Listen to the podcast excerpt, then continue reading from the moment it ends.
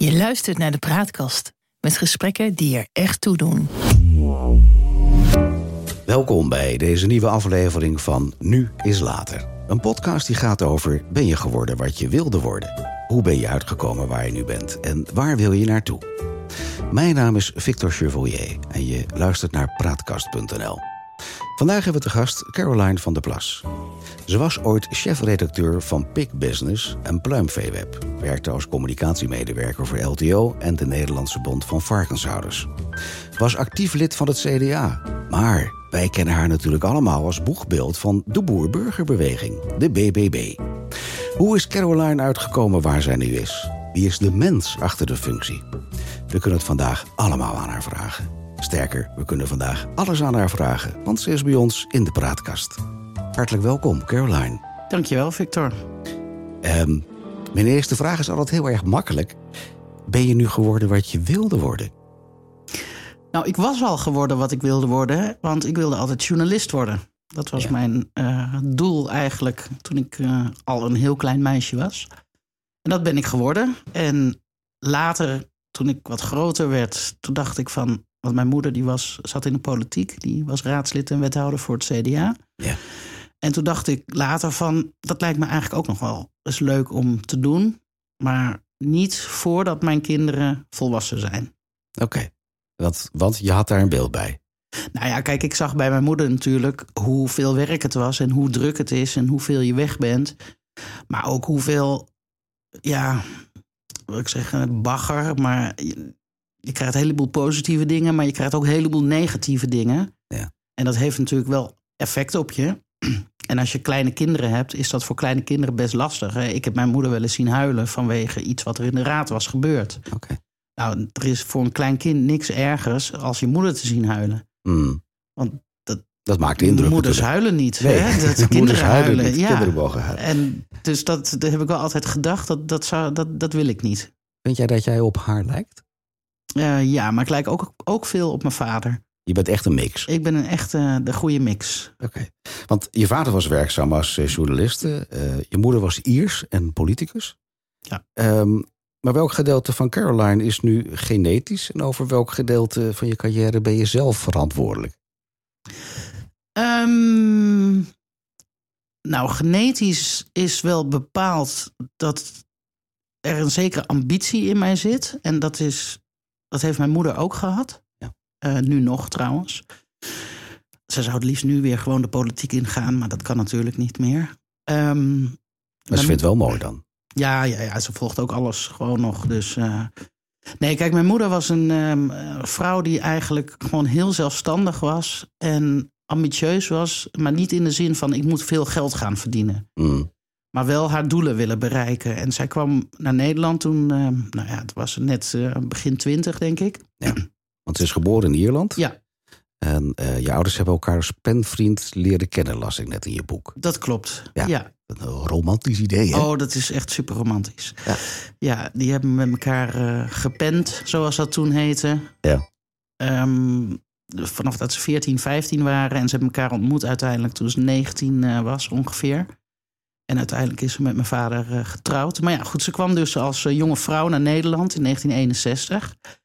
Ja, en, en toen had je natuurlijk eh, nog sowieso al bijna geen televisie. Laat staan Engelse televisie. Alles Nee. was natuurlijk Nederlands. Ja, mensen spraken niet heel veel of goed Engels. Dus ze moest zich gewoon zien te redden. En dat Ja. heeft ze, een taalkursus heeft ze ook nooit eh, gevolgd. Je hebt ook geen Google Translate, heb je ook Nee. niet in die Nee, tijd. nee. Dus dat moest ze echt op eigen kracht doen. En ehm zij heeft mij wel eens verteld dat ze dat bijvoorbeeld deed door de Donald Duck te lezen. Mhm. Dus het plaatje en dan de woorden lezen. En zo probeerde dan aan mijn vader vragen, hè, wat staat hier? Ja. Maar ook de schapkaartjes bij de groenteboer. Hè, vragen van, wat staat hier en hoe spreek je dat uit? En zo heeft ze zichzelf de taalmachtig gemaakt. Ja. En ehm, nou, uiteindelijk eh, ze is Het is best pittig geweest, hè, als je daarover terugdenkt. Ontzettend. Ik denk Ja. dat ze ook wel echt heel eenzaam is geweest in die tijd. Mijn vader was journalist, die was druk, die was veel weg. En ja, zij zat natuurlijk in de eerste jaren gewoon alleen thuis. Later met ons, de kinderen. Mhm. Je hebt twee broers, begreep ik? Ja, twee broers, eh, Ian en Andrew. Andrew is helaas overleden in 2020 alweer. Ja, jeetje, tijd gaat zo Het gaat hard, hè? Ja. Ja, Dus, ehm, maar ja, goed, ze moest het wel zelf zien te rooien. En dat heeft ze gewoon op een hele goede manier gedaan. Mhm. Nou ja, uiteindelijk eh, is ze winkelmedewerker geworden in een modezaak in Deventer. En vanuit daar, toen wij ietsje groter waren, dus in ieder geval wel op de basisschool zaten, maar wel gewoon wat zelfstandiger waren. Hè. Vroeger kon je ook al wat meer met de broers en zusjes gewoon zelf naar school lopen. En zorgden mijn oudere broers wel dat we goed thuis kwamen. En toen is ze ehm, politiek actief geworden. En toen is ze ook raadslid geworden en uiteindelijk wethouder. Maar ik hoor je spreken over Deventer. Maar ik had begrepen dat je geboren was in Kuik. Dat klopt. Ja, En, en daarvoor, want ehm, jouw ouders hebben elkaar leren kennen in Wassenaar, meen ik. ja daar woonde mijn vader. Vertel eens, hoe is dat gelopen dan? Als je dan even vanuit eh carrièrematig kijkt. Jij was nog heel klein, want jij bent van 1967. 67. Ja. Ehm, toen woonden jullie in? In 1967 ben ik geboren in Kuik. In Kuik, Eh, echt, Ja, ja. mijn vader die, eh, is opgegroeid in Wassenaar. Mhm. Eh, daar hebben mijn ouders elkaar ook ontmoet. Want mijn moeder die was stewardess bij de Aer Lingus. Dat is de Ierse vliegtuigmaatschappij. Ze was grondstewardess, dus eh, vloog eigenlijk niet veel. Maar kwam een keer uit dat ze naar Amsterdam ging. Toen zei een vriendin tegen haar van... goh, die jongen met wie jij al jaren schrijft... die woont hier toch in de buurt. En zou je hem misschien niet... Bel hem, bel hem. Nou ja, dat eh, heeft ze dus uiteindelijk gedaan. En nou ja, toen is ze eh, bij mijn vader thuisgekomen. En zo hebben ze elkaar voor de eerste keer eh, lijfelijk ontmoet. En dat, ja, de vonk sloeg meteen over eigenlijk. Nou ja, uiteindelijk is dat... Dat is wel eh, lief eigenlijk, als je erover terugdenkt. ja, super lief. Ja, Ja. mijn vader heeft me altijd verteld dat hij mijn moeder op de fiets heeft opgehaald in het, bij het station Den Haag. Dat heb ik tot drie jaar geleden heb ik dat geloofd. Toen had ik het een keer over met mijn moeder en die zei van dat is helemaal niet waar. Wel nee. Dat is helemaal niet waar. Hij heeft, ja, hij heeft mij helemaal niet opgehaald. Zijn broer Piet heeft mij opgehaald en niet op de fiets met de auto. dus Het was iets minder Maar eh, geromantiseerd als dat jij dacht ja, dat het was. precies. Ik zei, oh, ik vond het altijd zo romantisch. En hij zei, ja, je vader die fantaseerde wel vaker. Ja. Maar goed, ehm, nou ja, kijk, uiteindelijk... eh, Hoe zijn jullie uitgekomen dan in Best? Of in de Kuik? Kuik. Nou, mijn vader die ehm, kreeg een baan in Nijmegen. Die was eerst sportleraar en uiteindelijk eh, solliciteerde hij als eh, sportjournalist bij eh, Dagblad Gelderlander. Ja. En zo zijn ze in Nijmegen terechtgekomen. In Nijmegen is eh, mijn oudste broer ook geboren. En toen zijn ze, dus wonen ze op een heel klein eh, kamertje, zeg maar. En uiteindelijk zijn ze naar Kuik verhuisd. We hadden ook, we hadden ook in die tijd al woningnood, denk ik. Ja, nou ja, kijk, ehm, het was meer denk ik een geldkwestie. Ja, je had gewoon te weinig geld om een huis te kopen. Ja. En uiteindelijk zijn ze naar Kuik eh, verhuisd en ehm, zo. Ja, dat is een. eh, dat is wel toepasselijk. Dat is een eh, landbouwtrekker die hier voorbij komt rijden. Met heel veel geweld. Ja, die zijn bezig met de voorbereidingen op het nieuwe zaaiseizoen natuurlijk. Dat weet ik wel zeker, ja. ja. Ehm, nee, dus uiteindelijk zijn ze naar Kuik eh, verhuisd. Of ze dat huis hebben gekocht, volgens mij niet. Hebben ze een huis gehuurd. Eensgezinswoning. Nou, daar ben ik geboren en mijn andere broer Andrew is daar ook geboren. En toen in 1969, toen heeft mijn vader gesolliciteerd bij het Deventer Dagblad. ehm, voor een functie als chef sportredactie. En daar is die aangenomen. En zo zijn we in Deventer terechtgekomen. Dus ik was twee of drie dat wij daar kwamen. Ja, dus van de periode Kuik weet je eigenlijk niet zoveel meer vanaf, denk ik. Nee, niet echt dat we in dat huis woonden. Wel dat wij in, zeg maar, toen ik begin jaren zeventig gingen mijn ouders nog wel regelmatig terug naar Kuik. Want ze hadden daar natuurlijk veel vrienden. En met Ja. de carnaval gingen ze. Ze gingen altijd met carnaval daar naartoe. Met de Nijmeegse wandelvierdaagse. Maar ook gewoon op een zondagmiddag om vrienden te bezoeken. Mhm. En ehm, ze kwamen altijd in het eh, café eh, van Dina Weijers. Ik ken haar niet anders als tante Dina. Dat weet ik Ja. nog heel goed. Een vrouw met eh pikzwart haar en gouden oorringen... in een, ja, een echt zo'n oud cafeetje die je nu eigenlijk nooit meer ziet. Je gaat gelijk glimmen als ik dit zo Ja, zeg. dat is echt, daar heb ik hele goede herinneringen aan. En eh weet je, dronk mijn ouders een drankje met hun vrienden. En ja, als kind in zo'n café met een biljarttafel. Ja. En je kreeg een zakje chips, weet je wel, en een glaasje sinaas. Nou, dat was eh, heel bijzonder. Ja. En het was ook altijd heel gezellig. En ehm, Want hoe oud was je toen ongeveer? ja, ik denk dat wij tot en met dat ik 10, 11 was, dat we nog wel regelmatig naar Kuik gingen. Oké. Daarna is het een beetje verwaarderd. Weet je, dan word je zelf ook groter. Je krijgt zelf vriendjes en vriendinnetjes. Dan heb je ook niet altijd meer zin Nee. om overal naartoe te rijden met je ouders. Maar dat was een hele leuke periode. Ik ben toevallig laatst nog terug geweest in het eh, café in Kuik. Dat Mhm. was de eerste keer sinds, dus nou ja, wat is het, eh 40, 45 jaar. geleden, ja. En het zag er nog precies hetzelfde uit. Dat meen je? Ja, het is ook met die, die ken je dat die dikke gordijnen die je dan zo dicht kan trekken. Nou, dat had ik ook altijd nog op mijn netvlies staan. Zelfs die hingen er nog. En, eh, niet ondertussen verbleekt? Want ik heb nu een beeld van, dat, van die hele donkerrode, eh verloerachtige gordijnen. ja, nee, een dik, goed beeld? dik. Ja, ik weet niet of het plastic is of. of, of of, nou, weet ik niet. Het is. Plastic, daar was- krijg ik weer een heel raar ja, bij. Nee, niet plastic. Ja, ik weet niet precies wat voor stof het is. Het was geen vloer. Wel, wel die kleedjes op tafel, weet je wel. Die, Of die hele dikke, Van die hele dikke- tapijt, precies. eh, dingen. Dat. Ja, ja. En, ehm, maar het café zag nog precies hetzelfde uit. En eh, de zoon van Dina, die was nu de eigenaar. Dus dat was ook wel heel leuk. Want die kende mij natuurlijk ook nog wel van vroeger. En ik hem. Maar ja, had niet meer zo'n beeld bij. Maar ja, dat is ook een oudere man geworden inmiddels. Ja. Dus eh, nou ja, goed, dat was heel erg leuk. Ja. Ja, Hey, maar als je aan, aan, die, aan die eerste jeugdjaren denkt, eh, dan, dan krijg ik het gevoel dat dat allemaal heel erg geriefelijk en, en lekker liep eigenlijk. klopt. Ja, zeker. Ik heb, ja, ik moet zeggen, ik heb wel een heel, best wel zorgeloze jeugd gehad. Eh, mijn, ja, wij hadden geen echte grote geldzorgen. Hè. We waren ook niet steenrijk, zeker niet. Ehm, Nee, maar het ging allemaal wel, wel Ja. geriefelijk en wel goed. had, ja. je, had je toen ook carrièrematig bepaalde ideeën? Als kind van 12 wilde je piloten worden of, of eh, arts, weet ik veel. Wat- ik wilde journalist worden. Dat was echt, Echt, al echt vanaf, vanaf heel klein journalist. Heel klein. Ik was altijd met mijn vader op pad in het Ja. weekend. Eh, Hij was als sportjournalist. Ging natuurlijk nou ja, de amateurwedstrijden in de buurt van eh Deventer naartoe. Of naar Go Ahead Eagles. En Maar wat trok jou daarin aan dan? Nou, ik vond het gewoon heel erg leuk hoe hij.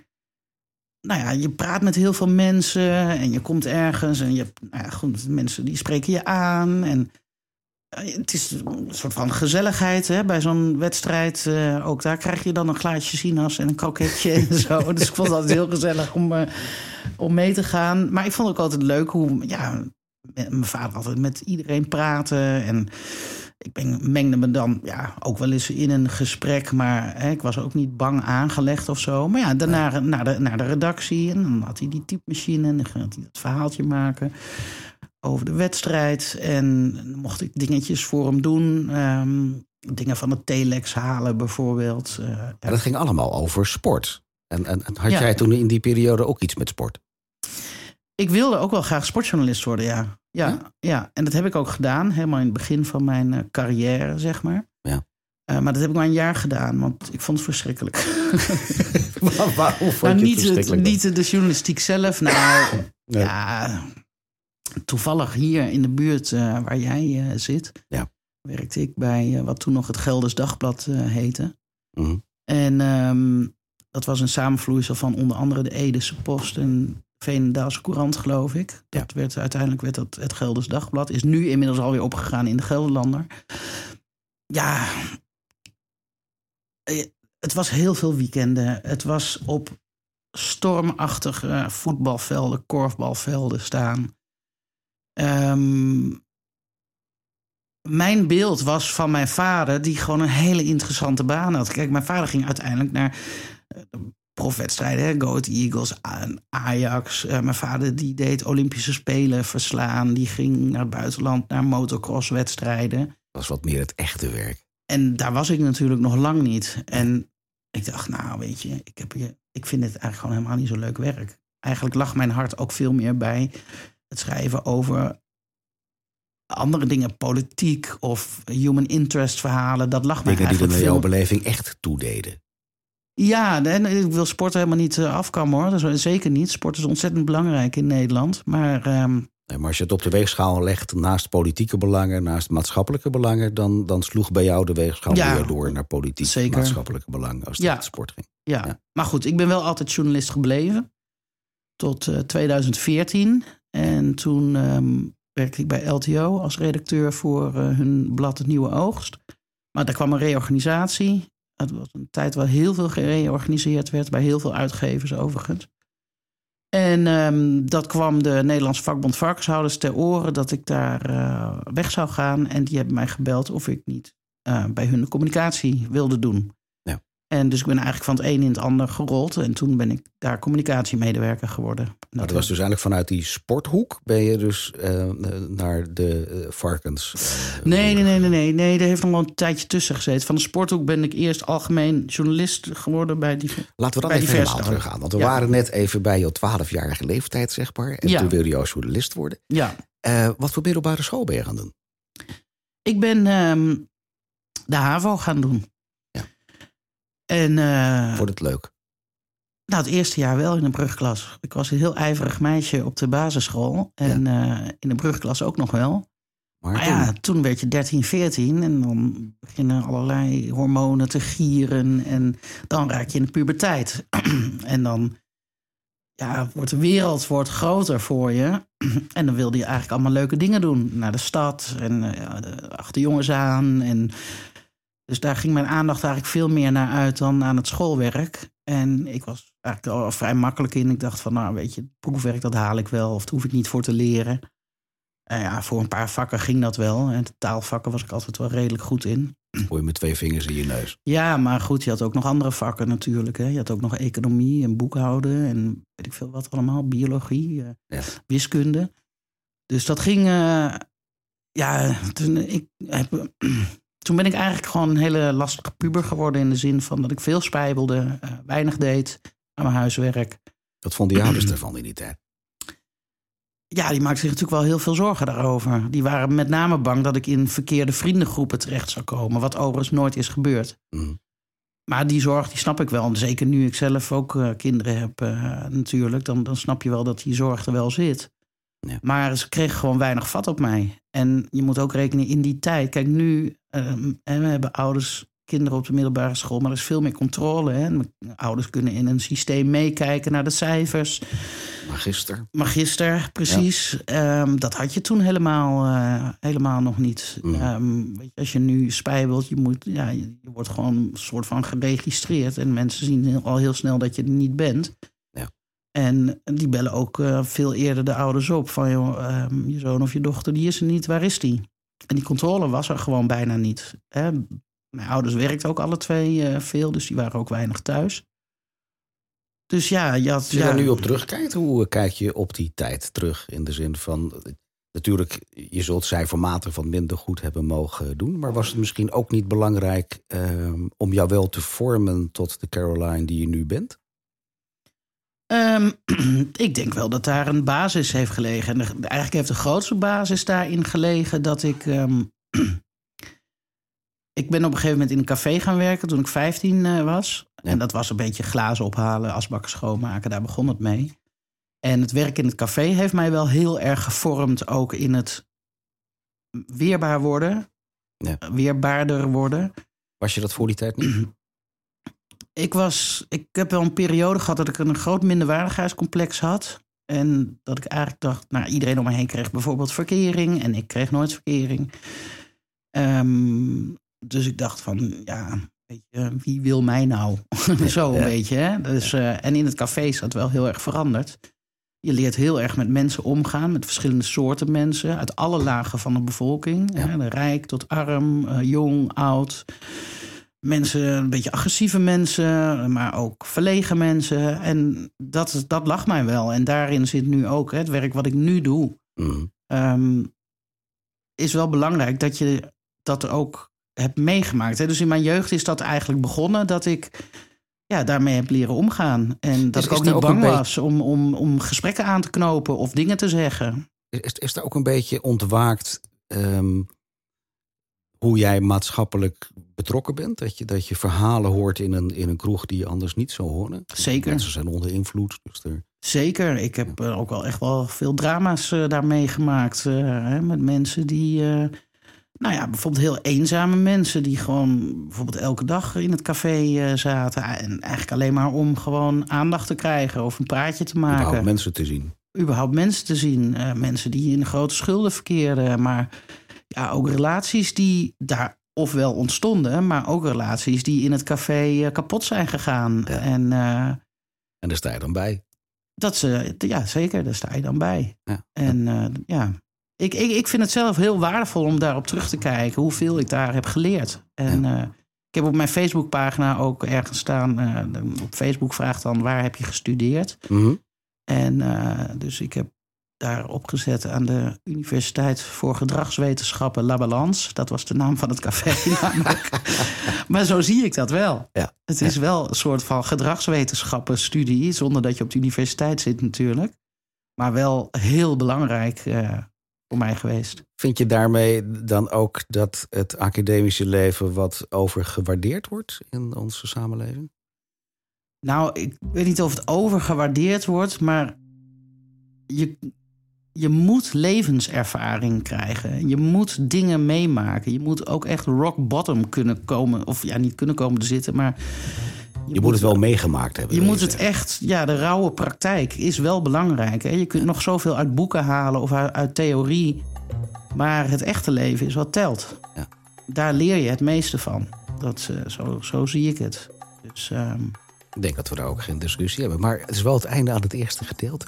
oh, dat gaat het snel. Goed, hè? Ja, Ja. ja. dus ehm, eh, ik zie je graag zo meteen aan de andere kant eh, weer met eh, deel 2 met Caroline van de Plas. Dankjewel. koffie. Lekker, Gaan we dat even maken voor je. doe dat. De praatkast.